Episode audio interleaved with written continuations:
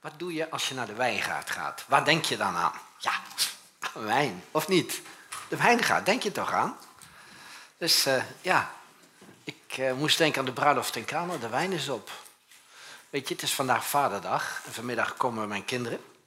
En dan denk ik natuurlijk, wat moet ik in huis halen? Voor de kleine kinderen natuurlijk kleine versnaperingen. En voor de grote kinderen, hè? het is niet de kleine de grote kinderen, andere versnaperingen. Ben ik naar de bos gegaan gisteren. En ik weet niet, kennen jullie bossenbollen, de originele? Van Jan de Groot, kennen jullie? Ja, ik heb ze helaas niet meegebracht, want ik kreeg geen kwantumkorting. Want ik denk, ja, hoeveel mensen zullen er komen vanmorgen? Maar van die grote bollen zijn dat, hè? met slagroom. En dan maken ze er een paar duizend per dag, hè? Dat is ongelooflijk. Hè? Mensen stonden tot de straat. Hè? Dus ik heb echt even een half uurtje in de rij, gestaan. Maar dat heb je over hè, voor je kinderen, of niet? Ja, ik wel, ja. Leuk. Ja, de bruiloft in Canaan. De wijn is op. Weet je, als je een feestje hebt en Jezus is niet daarbij... en je hebt jouw eigen feestje... dan komt er een moment in je leven dat de wijn op is. Dat je tekort hebt. Dat de vreugde weg is. Want dingen van de wereld stellen teleur. Jullie zijn natuurlijk al lang achter, maar ik zeg dat ook voor mensen die thuis luisteren en die niet van deze gemeente zijn. Weet je, je, je kan nog zoveel organiseren met feestjes en dingen, maar als Jezus er niet bij is, dan, dan raak je ja, running out of wine, wil ik zeggen. Hoe heet dat in het Nederlands? Dan, dan gaat de wijn op, dan, dan kom je aan je eindje en dan heb je niks meer. Wow. Nou, ik ga even voorlezen hoe dat gegaan was daar in Cana. En op de derde dag was er een bruiloft te Cana in Galilea. Derde dag. Leuk hè? Ze noemden het de derde dag. Wat was de derde dag? Dat was de dinsdag. Waarom de dinsdag? Nou, mensen die dus op de Sabbat niet mochten reizen, hadden zondag en maandag om te reizen. Mensen die van veraf kwamen en naar de bruiloft kwamen. Een bruiloft duurde ook, dus een authentieke Joodse bruiloft, duurde ook drie tot zeven dagen. Dan hadden mensen ook weer kans om weg te gaan, terug naar huis, voor de Sabbat thuis. Snap je? Nou, dat dan deze. De derde dag heeft ook iets te maken. Wat gebeurde er op de derde dag? Wat gebeurde op de derde dag? Stond Jezus op. Wow, dat is hier een verwijzing. Hè? Hij heeft nog geen wonder gedaan en er is al een verwijzing naar zijn opstanding. Op de derde dag was er een bruiloft in Cana in Galilea en de moeder van Jezus was daar. Waarschijnlijk waren het familieleden. De moeder was uitgenodigd en ze zegt, zeg, komt, komt je zoon ook? Dat zou leuk zijn. Ja, maar ja, hij komt wel met een man of twaalf, dertien van de discipelen. Ja, leuk joh, kom, kom erbij. Weet je wel, en Jezus heeft ook wat, wat, wat neefjes en broeren en, en, en die waren er allemaal bij. Hè? Dus ze kwamen daar met een heel stel. En ook Jezus en zijn discipelen waren te bruiloft uitgenodigd, hadden ook een kaart gehad. En toen er gebrek aan wijn kwam, zei de moeder van Jezus tot hem, ze hebben geen wijn meer. Oh man. Dus je ziet het volop het feest aan de gang is. Ja, drie dagen. En ze staat niet bij welke dag het was. Maar ja, de boel is op. En, en wat als de stemming erin is? Dat is een flater. Je mensen zeggen, willen jullie nog wat? Ja, een wijntje graag. Um, we hebben nog rode spa en we hebben nog blauwe spa. Ja, man, hallo. En Jezus zei tot de vrouw, mijn uren is nog niet gekomen. Weet je, ik kan me zo voorstellen dat Jezus wist dat zijn bediening zou gaan beginnen. En dat hij wonderen liet zien. Wat moest hij laten zien? Hij moest drie wonderen laten zien aan het Joodse volk. En dan werd hij gekenmerkt als officieel de Messias. Het eerste wonder was dat hij eh, een blinde liet zien. Stond, stond in het Oude Testament. Hè? Dat hij een dove liet horen en dat hij een melaatse zou genezen. Die drie wonderen heeft hij ook gedaan. Maar, het, maar het, het, probleem was toen hij die drie wonderen gedaan had en de, en de gingen kijken. De fariseërs waren niet om, om te kijken of, nee, die waren aan het kijken of het niet een secte was wat Jezus begonnen was. Hij had heel veel navolgers en de fariseërs en schriftgeleerden waren mensen aangesteld om te kijken of de leer wel oké was. En, en als, als ze die drie wonderen zouden zien, dan zouden ze moeten toegeven, dit is de Messias. Of voor 80% is het de Messias. En nu gaan we nog verder kijken wat de schrift zegt over hem. Die drie wonderen heeft hij gedaan. In Matthäus 12 staat dat. En dan staat er van, nou, wat, wat zeggen jullie nu? Jezus zegt tegen zijn apostelen, wie zeggen jullie nou, of wat zeggen de mensen wie ik ben? Jezus was eigenlijk, die vroeg eigenlijk, hebben ze me herkend? Hebben ze me herkend, degene waar ze zo lang voor gebeden hadden? Hebben ze die herkend dat hij nu er is?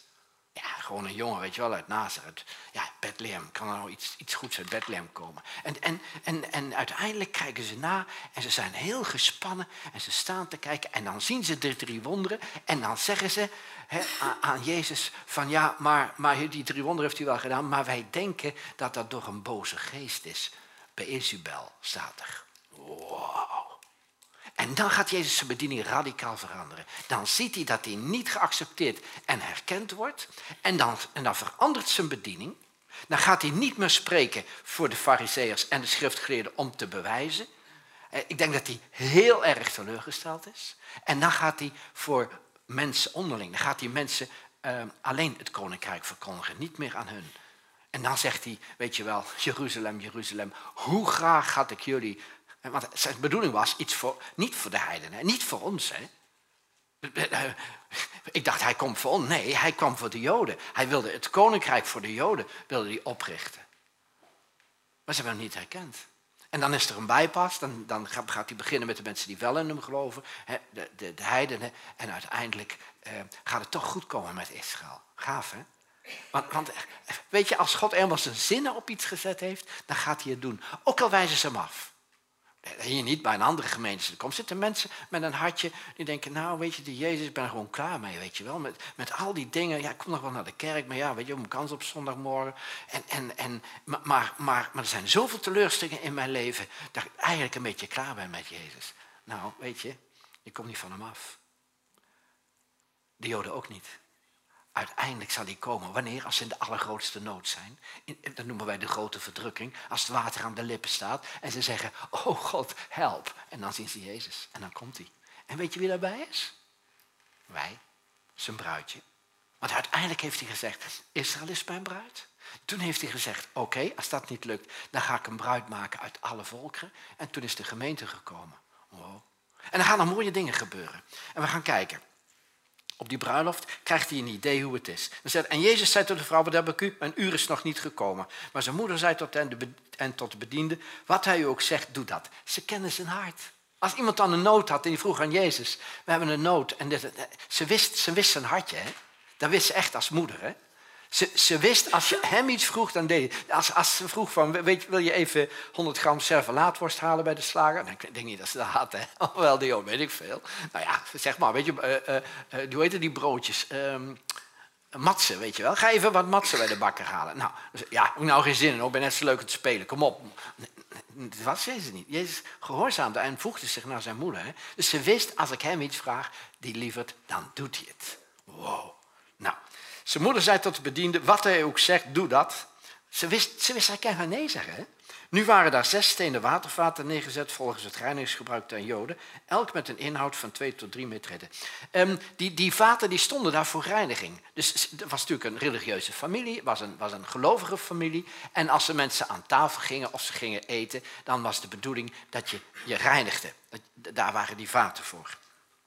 En Jezus zei tot hen, vult de vaten met water. En ik dacht even, ja, weet je, ze willen wijn hebben. Oké, hebben jullie iets van, ja, wij hebben Tupperware misschien? Nee, hebben we niet.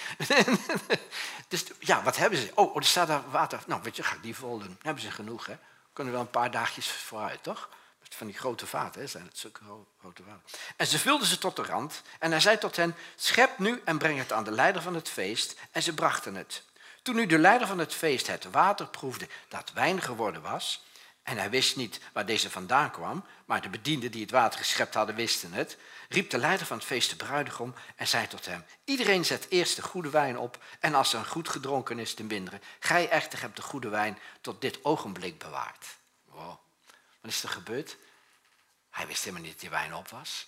Hij zei, ja, ja, maar, maar is er nog andere wijn? Ja, ja, ja, ja, ja we gaan maar... Nou, nou hier, hier hebben we de nieuwe wijn. Hier hebben we de nieuwe wijn. Nou, nou proef maar. En hij proeft. Hij denkt, wow, wow, beetje raar, weet je wel. Eerst, eerst als de mensen nog nuchter zijn en niet zoveel gedronken hebben, ja, dan kunnen ze echt die wijn, zeggen ze, mm, drinken ze, mm, mm. Ja, lekker, lekker, goed wijntje, weet je wel. Goed, waar heb je die van? Oké. en, uh, maar, maar, bij hun was het anders. Ze, ze, hebben die wijn en dan, dan, is, dan, dan hebben ze geen wijn meer. En dan, en dan komt, dan komt en dan, dan proeft hij en dan zegt hij, Maar dit is echt lekker. Hij zei, hé hey, joh, kom eens hier jij. Hij zei, je bent echt een deugniet. Hè? Je zet, eerst geef je ze sloeberwijn. En nu, hè, nu, het bijna op is en de feest heel volle stemming... kom je met de allerbeste wijn die ik ooit geproefd heb. Wauw, dat doet Jezus. Hè? Hij, zei niet, oké, weet je nee, nee. Hij, hij maakt er een feestje van. Hè? En, heeft, en dit heeft Jezus gedaan als begin van zijn tekenen in Canaan, in Galilea. En hij heeft zijn heerlijkheid geopenbaard en zijn discipelen geloofden in hem. Voor wie deed hij dat, dat wonder? Voor zijn discipelen, hè? Voor zijn discipelen. Ja, natuurlijk ook voor zijn moeder, dat hij had gezegd van, uh, uh, ja joh, ze hebben een probleem. Maar hij deed, uiteindelijk deed hij het voor zijn discipelen, zodat ze aan hem zagen wie hij werkelijk was. Dat was zijn eerste wonder op een feestje. Hoe leuk is dat? Nou, dan gaan we terug naar de PowerPoint. De dag hebben we gehad, krijgen we de volgende. En daar staat, ik zal, mij tot, ik zal u mij tot bruid werven voor eeuwig.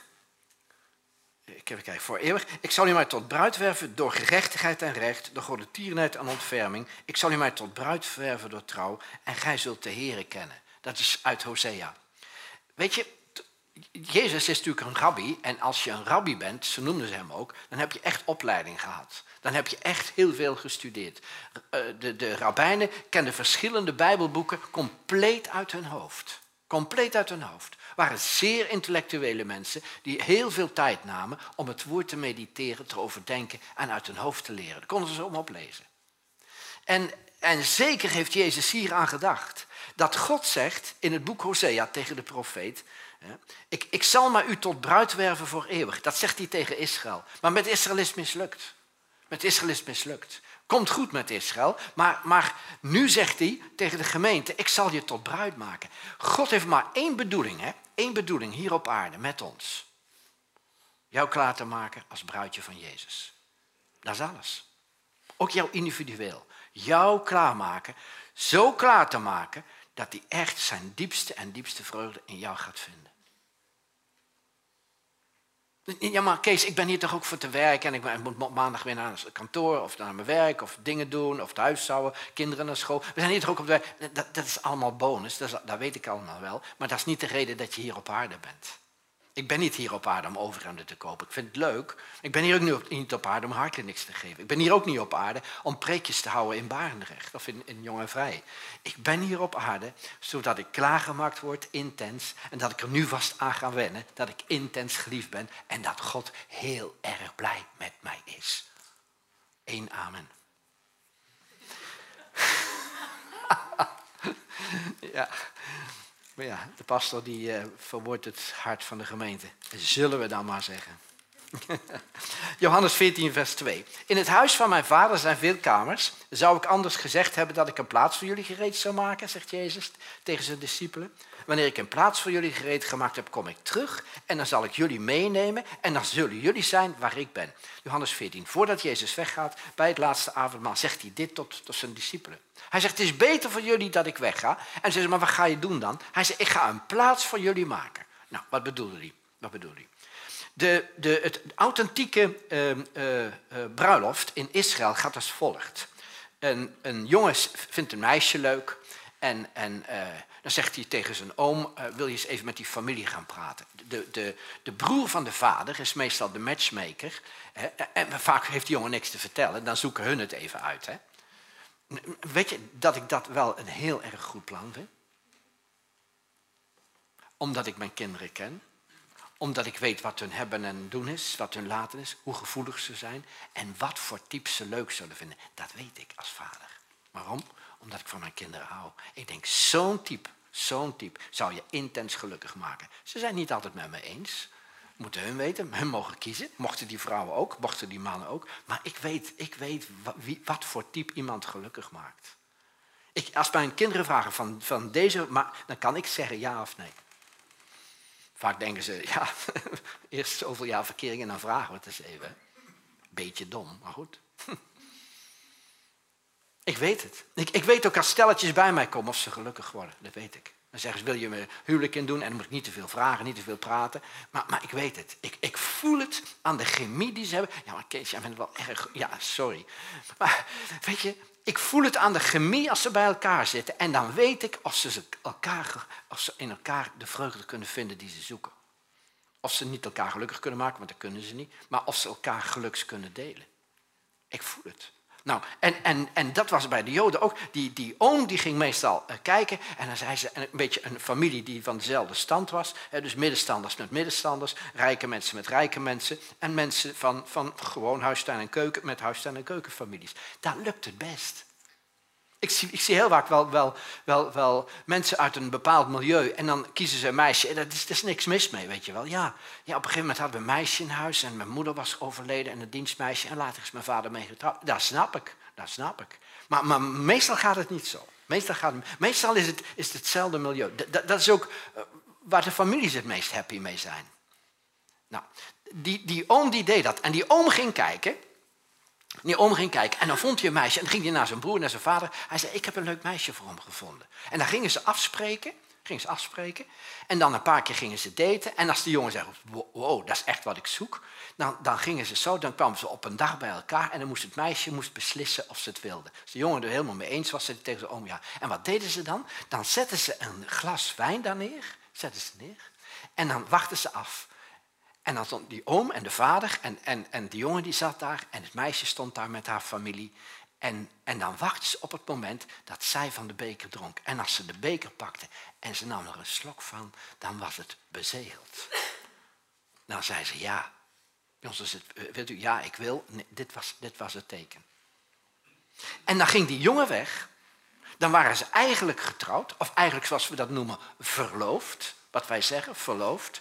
Dan kreeg die vrouw, die ging niet meer op straat zonder sluier, had ze altijd een sluier om. Dus zo'n zo'n vaal, weet je wel, zo'n, waar ze half doorheen kan kijken. Dus haar gezicht was niet meer... En dan, en dan duurde dat ongeveer een jaar voordat ze werkelijk gingen trouwen. Voordat ze gemeenschap hadden. Dus wat gebeurde er? Een jaar lang werd die, werd die vrouw, die, die, die, ging dan allerlei baden nemen met parfum en met dat ze heerlijk ging ruiken, zodat alle poriën van haar huid heerlijk roken naar ja, Chanel nummer 5, noem maar wat.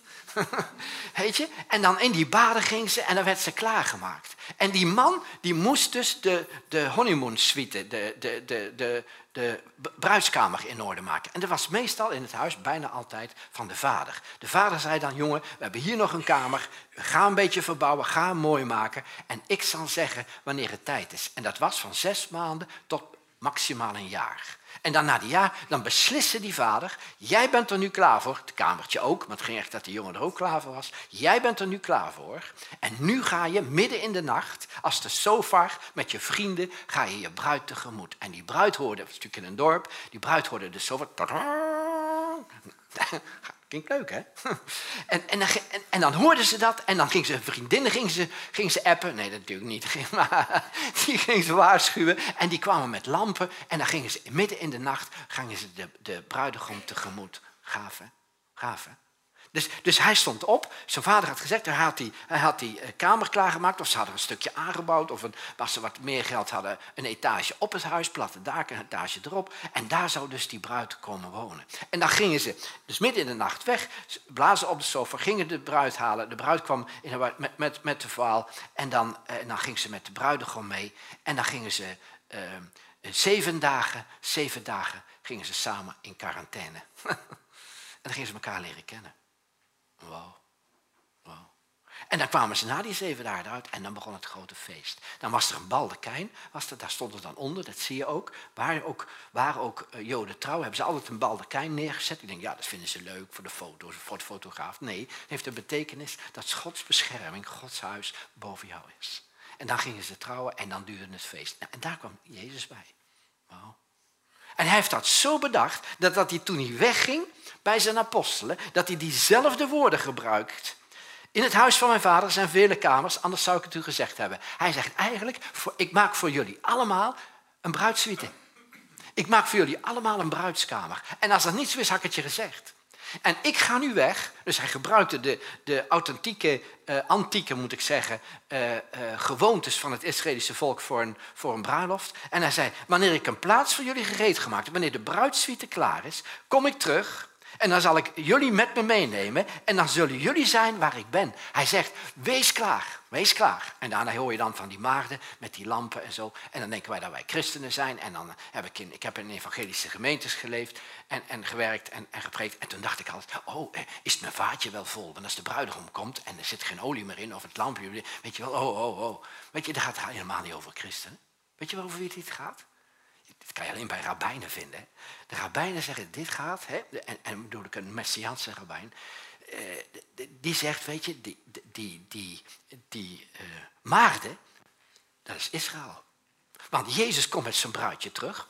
Wij worden dus in een oogwenk veranderd, worden we opgenomen. En dan komen we in de bruidsuites. Dan blijven we in de bruidsuites met Jezus. En dan zegt hij, nu is mijn bruid klaar waar het uiteindelijk om gaat. Dat is het Israëlische volk. Dan komt hij terug met ons.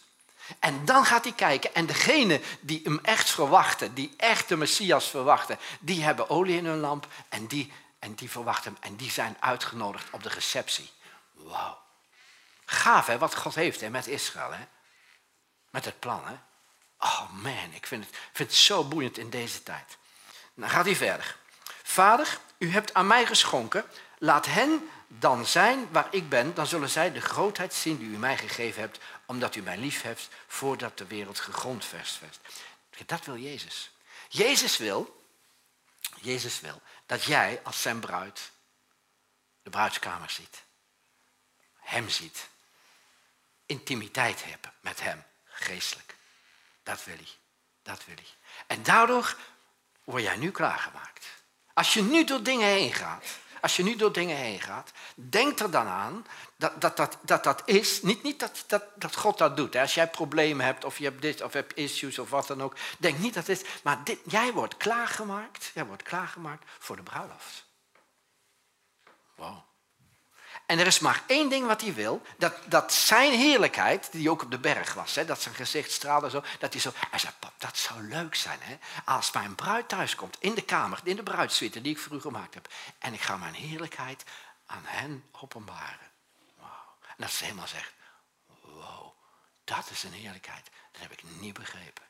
En nu denken we een beetje, Jezus, ja, weet je wel, aan het kruis. En oh, zielig allemaal en dit en dat. Nee, nee, nee, nee. Dan ga je een God zien en Jezus zien die zo, dat, dat je je ogen bedekt en dat hij zo mooi is, dat hij zo fantastisch is, zo'n uitstraling heeft. En naar je kijkt en zo liefdevol tegen je zegt, welkom thuis. Daar heb ik het allemaal voor gedaan. Wat fijn dat je hier bent. We gaan het heel leuk samen hebben.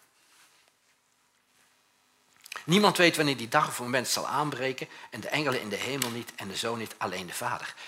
Ik, ik weet zeker dat die jongen na een half jaar tegen zijn vader zegt, pap, het is klaar hè? We hebben een mooie, mooie lambrisering gemaakt, plafond erin, we hebben mooi gesausd, geschilderd, alles klaar. Een bed is opgemaakt, we hebben alle spullen. Pap, mag ik ze gaan halen? Nee jongen, nog even wachten. Hij weet dat die jongen nog wat dingetjes heeft. Hij is een beetje ongeduldig, hij kan moeilijk wachten. En die vader zegt, nee, ik geef wel een teken. Maar kunt u me dan zeggen, nee, nee, je moet gewoon afwachten. En dit is met Jezus ook. Hij kan niet wachten. Hè? Hij kan niet wachten. Hij zegt, ik wil mijn bruid ophalen. Ik wil, de vader zegt, wacht nou even. De bruid is nog niet klaar. Wacht nog even. En jij bent ook nog niet klaar. In geval van Jezus zijn natuurlijk wel helemaal klaar. Want hij hoeft niet meer perfect te worden. Wij. Gaaf. En alleen de vader weet dat. Jezus zelf ook niet. Hè? En de vader zal zeggen, nu is het de tijd. Nu mag je met de bruid samen je andere bruid, en dat is Israël, op gaan halen. Of eigenlijk op gaan halen, dan blijft hij hier. Hè. Eh, dan komt breekt duizend jaar, dan mag je duizend jaar een feestje hebben. Wow, bruiloft.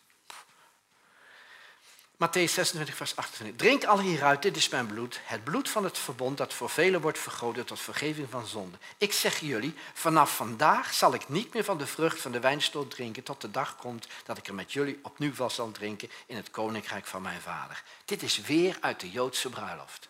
De, de, de, de bruid drinkt van de beker en dan drinkt niet de bruidegom ook, de bruidegom die wacht en die zegt vanaf nu drink ik geen wijn meer totdat jij bij mij bent.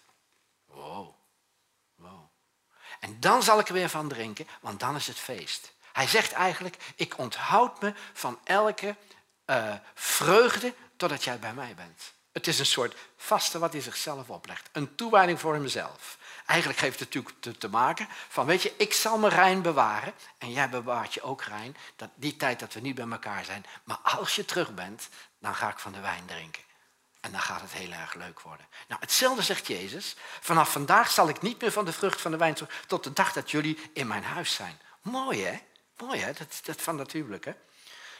En er staat hier, maar voor u broeders en zusters, geliefden van de Heer, moeten wij God altijd danken. Hij heeft u als eerste uitgekozen om te worden gered door de geest die heilig maakt en door het geloof in de waarheid. Oké, reinigt staat hier.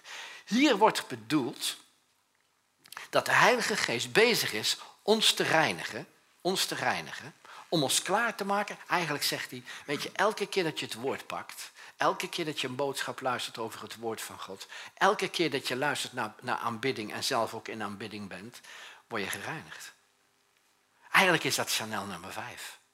Eigenlijk word je dan zo je poriën ingesmeerd met de heerlijke geur van het woord en van Christus en word je gereinigd en word je heilig gemaakt. Zijn er dagen dat ik me niet heilig voel? Ja, die zijn er. Als morgens pindakaas op is, dan denk ik, pot voor drie. Je begrijpt wat ik bedoel, hè? En voel ik me dan heilig? Dan voel ik me helemaal niet heilig. Maar ben ik dan heilig? Ja, ik ben heilig. Waarom? Omdat ik gerechtvaardigd ben. Hij heeft gezegd, ik voel me niet heilig, maar u maakt me heilig. Is dat eerlijk? Helemaal niet, maar daarom heet het genade. Als jij issues in je leven hebt, of je hebt dingen in je leven waar je denkt, ja maar, ja maar, elke keer weer val ik daar weer in. En dan ga ik tegen je zeggen, je bent heilig. Ongeacht wat je doet, ongeacht wat je gedaan hebt. Ja, maar dat is makkelijk. Dan kunnen we alles maar doen wat we willen. Nee, nee, nee, nee. Als je zo merkt dat hij je elke keer weer vergeeft, dat je elke keer weer genade hebt, dat je elke keer hij tegen zegt, ik weet het, ik snap het, maar ik hou van je. Dan, dan wil je het niet meer. Wauw. Dan, dan wil je het niet meer. Dan ben je, en dat heet heiliging, heiligmaking. Dat doet de geest. Dat hoeven wij niet te doen. Anders gaat de wet weer werken. Gij zult, gij zult, gij zult. En daar hebben we heerlijk mee afgerekend met de wet. Amen. De wet is zo 2001. ja, ja. Elke keer, weet je, dus ik pas, pas belde iemand maar ja, ja, ik ben, ik ben wel erg selectief met boeken en zo, maar hoe weet ik nou of het nou, nou nog wet is en hoe weet ik nou of het genade is en hoe weet ik nou of het half genade, half wet is? Ik zeg, elk boek dat je leest, elk, elk, elk boek dat je leest en doet, en daar staat dat jij iets moet doen, gooi het maar weg. Geef het ook niet aan vrienden, want ze hebben er niks aan, want je misleidt ze. Gooi maar weg dat boek. Elke keer als er gepredikt wordt van jij moet dit doen of jij mag niet meer dat doen, is de wet. Nu heb ik mijn kinderen groot gekregen. Door te zeggen, het is niet wijs, ik zou het niet meer doen, maar ik hou van je. Maar ieder kind wat hoort van ja, honderdduizend keer dit mag niet en dat mag niet en dat mag niet en dat, die krijg ik op de kliniek. Hè? Zo gefrustreerd. Ja, mijn papa zei altijd, mijn mama zei altijd, honderdduizend keer wat we niet mogen. Maar God is anders. God vraagt niet van dit mag niet en dat mag niet. God zegt, het is niet wijs om het te doen. Maar als je het doet, ik hou toch van je. Adam en Eva. Hij zei, eet nou niet van die boom. Eet nou niet van die boom, daar word je niet happy van. Ja, toch gedaan. Hij zei, maar ik heb ook een oplossing. Voor elk issue wat jij in je leven heeft, heeft hij een oplossing. En dat is het kruis van Golgotha. 2000 jaar geleden heeft hij alles voor jou gedragen. Ik zou zeggen, amen. Weer amen. Dankjewel. Hebreeën 10, vers 19. Laten wij God dan naderen met een oprecht hart en in vast geloof, nu ons hart gereinigd is, wij van slecht geweten bevrijd zijn en ons lichaam met zuiver water gewassen is. Dat is verleden tijd, hè? Dat is al gebeurd. Dat is al gebeurd. Dat is die reiniging waar ik het net over had. Dat is dat jij met Chanel nummer 5 wordt ingevreven. Elke keer dat je naar God toe mag komen. Want hij heeft gezegd, hij heeft ons hart gereinigd. Dat is gebeurd. Gebeurd. Eerst had je een hart van steen, zegt de Bijbel. Dat is een hart wat geneigd was tot zonde te doen. Dat, vond je heerlijk, hè? Ik, iemand zegt wel eens van, ja, ik doe nog zonde. Ik, ik zeg, uh, maar ik weet met welke zonde jij het meeste probleem hebt. Oh, oh, oh, de kliniek, hè? Oh, oh, oh, oh. En dan denk je, oh, 15 man zit hier. Oh, oh, oh. Dan gaat hij mijn zonde zeggen die ik het leukst vind, hè, waarschijnlijk. Nou ja, dat is het, hè? Welke zonde heb je het meeste moeite om te overwinnen? Die het leukst vindt? Je gaat, je gaat geen zonde doen die je niet leuk vindt.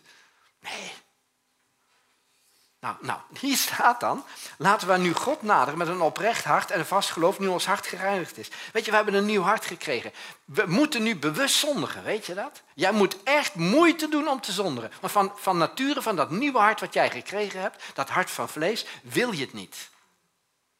En als je doet, heb je een grote nood in je leven. Want zonde is niks anders dan dat je nood buiten Jezus om wil vervullen. Als je hem zou vertrouwen, en zover ben ik nog niet, in een hele hoop dingen wel, maar in al verschillende dingen niet. Als ik hem vertrouw, komt het goed. Komt het goed. En elke keer dat ik iets doe dat ik Jezus niet vertrouw, maakt niet uit wat het is, voor mijn nood, zonder ik. Wow. En dan moet je zonder niet zien van, oh, weet je wel, oh, moeten we beleiden, moeten we doen, wow, wow, wow. God is niet boos meer. Hè? Ik heb vanmorgen aan de telefoon gehad, ik zei, hij zei, ik ben niet meer boos op Barendrecht. Ik ben niet meer boos. Kees, en op jou ook niet. Weet je wel? Hij is niet meer boos, hè? Is toch heerlijk? En, en wij hebben een, een lichaam wat gewassen is en bevrijd is met zuiver water. Dat, dat is dat reinigingsproces. Ja, Hosea, hebben we een stukje van gelezen. Hè? De Heer zei tot mij, ga weder heen, bemin een vrouw die zich door een ander laat beminnen en overspelig is. Gelijk de Heer de Israëlieten bemint, die zich tot andere goden wenden en minnaars zijn van druivenkoeken. Ja. Als er één, één Bijbelgedeelte is wat, wat mij de laatste maanden, eh, of de laatste jaren kan ik eigenlijk wel zeggen, bezighoudt, dan is het het boek van Hosea. Nergens in de Bijbel vind ik zo Gods liefde, behalve dan op Golgotha, vind ik zo Gods liefde uitgebeeld als in het leven van die profeet. Dat is bizar, hè? Bizar, hè? Ik, ik, heb, ik heb bestudeerd, ik, ik, ben, er, ben er, heel veel van mijn vrije tijd gaat aan het lezen van dit boek. En alles wat ik erover kan vinden, heb ik besteld. Bolkom vindt dat leuk, hè? Wat gebeurde daar? Het, het, het, Joodse volk was in het noorden, het noorden van Israël, 750 jaar voordat Christus kwam. En, en die koning eh, die was bang dat als ze elke keer naar Jeruzalem gingen om dat paasfeest te vieren, dat ze niet meer terugkwamen. Dat ze het te leuk vonden daar. En heel veel mensen bleven vaak daar en kwamen niet meer terug. En wat deed hij? Hij ging een nieuwe god uitroepen, dat was Baal. En dan gingen ze druivenkoeken, gingen ze offeren en al dat soort dingen. En, en hij maakte een feestje daar, zodat ze niet meer naar Jeruzalem gingen. En ze dwaalden van God af. En, en het volk was misleid. Nou, makkelijk, als we hier God kunnen aanbidden, goed. Hij heeft wel een andere naam, maar dat is geen probleem. Dan gaan we dat doen. En Hosea zag dat. En Hosea zegt, eh, en God zegt tegen Hosea, Hosea luister eens even. Er is een, een uh, prostituee en die ga je trouwen. Dus eerst heeft hij gezegd, duivel, weg, weg, weet je wel. Kom op, kom op, weet je wel. Dat is God helemaal niet. En, en hij hoorde het weer. Hosea, Hosea, jij moet die prostituee daar, die daar in dat bordeel, want die moet jij trouwen. Huh? En uiteindelijk, uiteindelijk zei hij, heer, als u het echt bent, laat me nog honderd keer horen. En God zegt, dat doe ik. En hij hoorde het nog honderd keer. Ken je het boek van uh, uh, Francis Rivers? Wauw, wauw. Zo'n mooi boek. Zo'n mooi boek. Als je, als je moeite hebt met het, met het verstaan van Gods stem, het is natuurlijk een beetje een verhaal geworden. en dat je niet begrijpt dat hij van jou kan houden, lees dat boek. Komt er wel een doos tissues bij, maar die heb je erg nodig. Die heb je erg nodig. En niet alleen voor dames, ook voor de heren. Ik, ik, lees zelden romanboeken, maar dat is een boek. Iemand zei tegen mij, ik zelf in een diepe crisis was, Kees, lees dit en, en, en je snapt het. Nou, hij gaat naar die prostituee en hij gaat daar op bezoek. Dat zegt de Bijbel niet, maar dat boek vertelt dan daar. Eh, ten eerste wordt verteld dat dat meisje, wat in die prostitutie beland is, ontzettend verwond was. Ze was niet gewild. Uh, haar vader um, zei van, als zij nog thuis is, kom ik niet meer. Die woonde niet meer bij de moeder, maar de moeder was afhankelijk van geld van de vader. Dus hij zegt, elke keer als ik thuis kom, wil ik dat die dochter er niet is. En op een gegeven moment, tussen een jaar of vier, vijf, zes was, werd ze uitgeleend aan, aan vrienden. Die zouden dan wel eens zo lang voor haar zorgen. En dan kwam die vader weer wonen. En toen werd ze misbruikt, als meisje van zes. Misschien tot haar twaalfde jaar.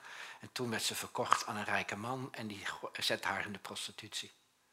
En dan op een dag komt Hosea daar. En dan, komt Hosea daar en die zegt tegen, tegen haar van... Uh, ik wil met je trouwen. Ja, zegt ze, dat willen ze allemaal.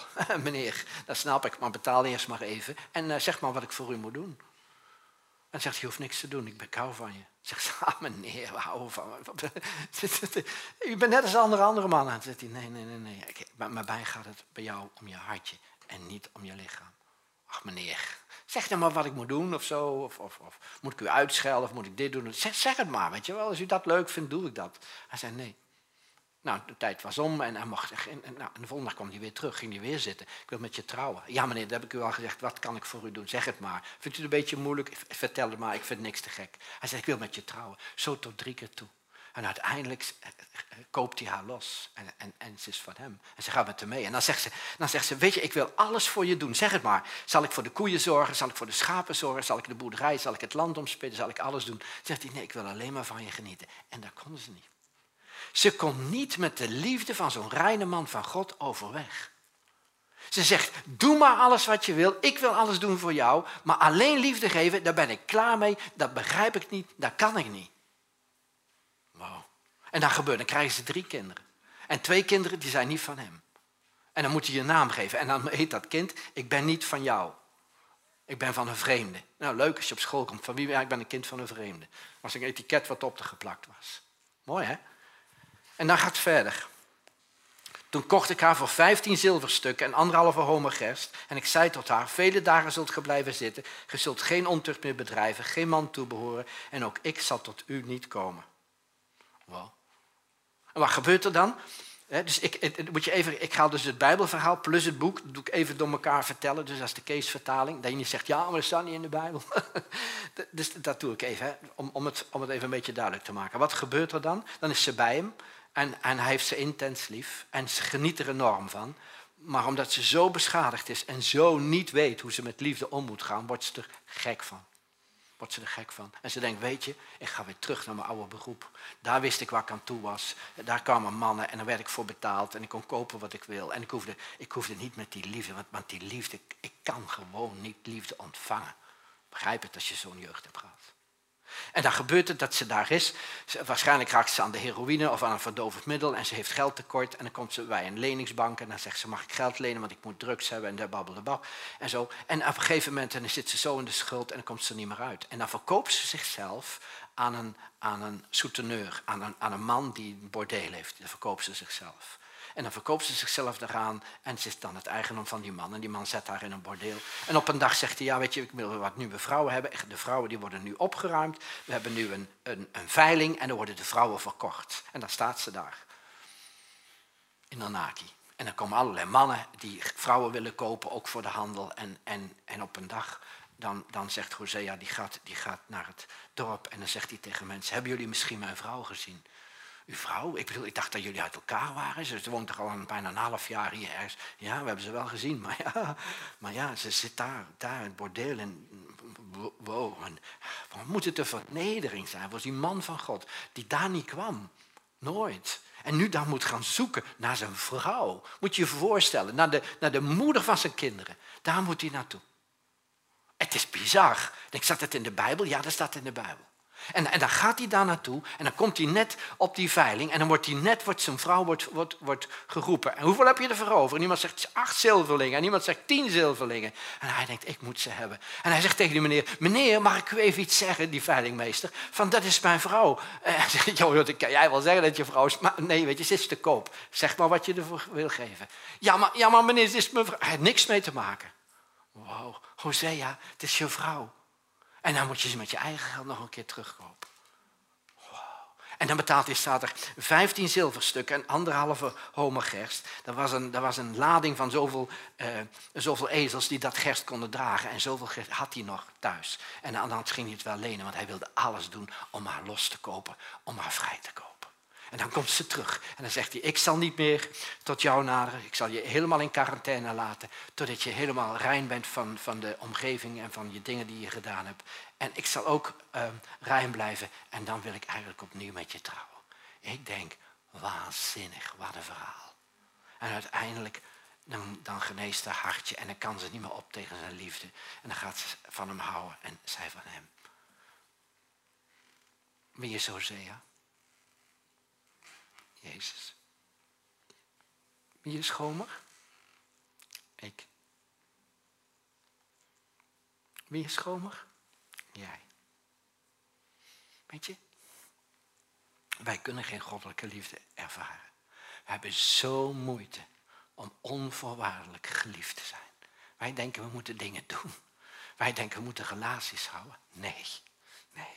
Jij mag je alleen maar laten liefhebben. En ik weet dat er verschillende hierbij zijn, toevallig, en niet in andere gemeentes, ook vanmorgen hier, die zo moeite hebben om die echte liefde van Jezus, om die echte liefde. Ik doe liever, ik zet liever elke zondag stoelen klaar. Ik doe liever bijbelgroepjes, ik doe liever dit, ik doe liever dat. Maar zegt, ik wil maar één ding, ik wil van je houden. Ik wil intens van je houden. En daar hebben we moeite mee. En, en misschien lopen we wel weg van zijn liefde. Misschien heb je in je leven wel een tijd gehad. Ik ben er zo klaar mee met die liefde van Jezus. Het werkt niet, ik voel niks. Je bent precies een schomer. Precies een schomer. Maar hij houdt niet op. Waar je ook naartoe gaat, als hij tot het uiteinde van de wereld gaat om je te verstoppen van zijn liefde, hij komt altijd achter je aan. Net als Hosea. En hij geeft niet op. En, en, en jij bent al van hem, hij heeft je ook nog gekocht. Hè? Waarmee? Met zijn leven. Op Golgotha heeft hij gezegd, wat is de prijs? En de duivel zegt, dit is de prijs, je leven, ik betaal het voor jou. Dat is zijn prijs. Ja, maar we waren het er al van hem, maar hij heeft je extra uitgekocht. Hij heeft je gekocht uit de slavernij van de zonde, van de duivel. De duivel was jouw souteneur en je moest doen wat hij tegen je vertelde. En nu heeft hij je vrijgekocht. Hij zei, ik wil dat je eruit komt, uit dat leven van, van, van zonde, uit dat leven van ellende, uit dat leven van de wet. En ik wil komen en ik wil dat je mijn bruid wordt en ik wil weer van je houden. Kindertjes blij. En papa is ook blij. Hosea is blij. En dat gebruikt God als een beeld om zijn liefde vanmorgen op Vaderdag aan jou te laten zien. Ook aan de moeders, ook aan de vaders en ook aan de kinderen. Want hij zegt, ik zal het hart van de vaders terugbrengen tot de kinderen en het hart van de kinderen terug tot de vader. Wow, laatste tekst. Waarom eet u meester met de tollenaars en zondaars? Hij hoorde het en zeide, zij die gezond hebben, hebben geen geneesheer nodig, maar zij die ziek zijn, gaat heen en leert, want het betekent, want het betekent barmhartigheid wil ik en geen offeranden. Ja, daar zou muziekje heel erg fijn bij zijn. Want ik ben niet gekomen om rechtvaardigen te roepen, maar zondaars. Weet je, hier in Matthäus 9, vers 8, daar gebruikt Jezus het boek Hosea. En daar staat letterlijk, ik ben gekomen Gaat heen en leert wat betekent barmhartig, want ik wil geen offeranden, want ik ben niet gekomen om rechtvaardig te maar zondaars. Toen Jezus, toen Jezus Levi riep, Matthäus, Levi heeft één broer, die zit in de spijkerbroeken, die is daar verder in gegaan. Maar, maar die andere broer, ja, Levi, ze ken toch, 2001. maar die andere broer, die, dat is een grafje. maar die, die andere, die, die, die, is, die, zat, die zat als belastingambtenaar, weet je wel, bij de belasting, belasting te innen. Was niet zo'n fijne jongen, hè? Waren jongens die uitgespuugd werden door het volk. Hè? Als de fariseërs belasting moesten betalen, dan spuugden ze op de grond. En dan gooiden ze het geld gooiden ze ook op de grond. Hè? Dat je het op moest schrapen. Dat, dat, waren mensen die uitgestoten waren. En Jezus gaat daar eten. En eten betekent niet, oh weet je, ben je een boterham eten? Oh, Sanne, pak maar een boterham. Nee, dat betekent gemeenschap hebben met elkaar. Met elkaar trouwen. Ik hoor bij jou en jij hoort bij mij. En toen zeiden ze, waarom eet u meester met tollenaars en zondaars? En dan zeiden zij die gezond hebben, hebben geen geneesheer nodig. Als jij zegt, ik ben gezond, ik heb Jezus niet nodig, proficiat. Maar wie hebben hem nodig? Wij. Wij. Wij hebben hem nodig. En dan zegt hij, barmachtigheid wil ik, geen offeranden. Jij hoeft niks te doen voor hem. Hij wil barmachtigheid. Hij wil, hij wil je hart veranderen. Hij wil tegen jou zeggen, jij bent zo kostbaar. Gaaf hè? Eigenlijk zegt Jezus tegen die fariseërs als enige antwoord. Want ze wisten goed waar je het over had. Hè? Een stukje uit Hosea. Eigenlijk zegt hij, ik ben jullie Hosea. En jullie zijn romig.